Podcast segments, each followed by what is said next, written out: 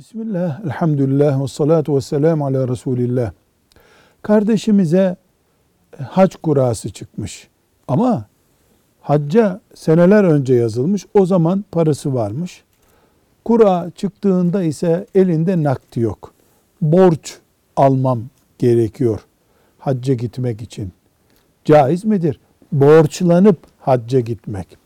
Cevap olarak diyoruz ki bu borç faizli bir işlemle yapılmıyorsa yani bin alıp bin yüz olarak geri ödenmeyecekse normal borç alınacaksa borç alıp hacca veya umreye gitmekte bir sakınca yoktur. Sakınca borcu caiz olmayacak bir şekilde mesela faizle almaktadır. Velhamdülillahi Rabbil Alemin.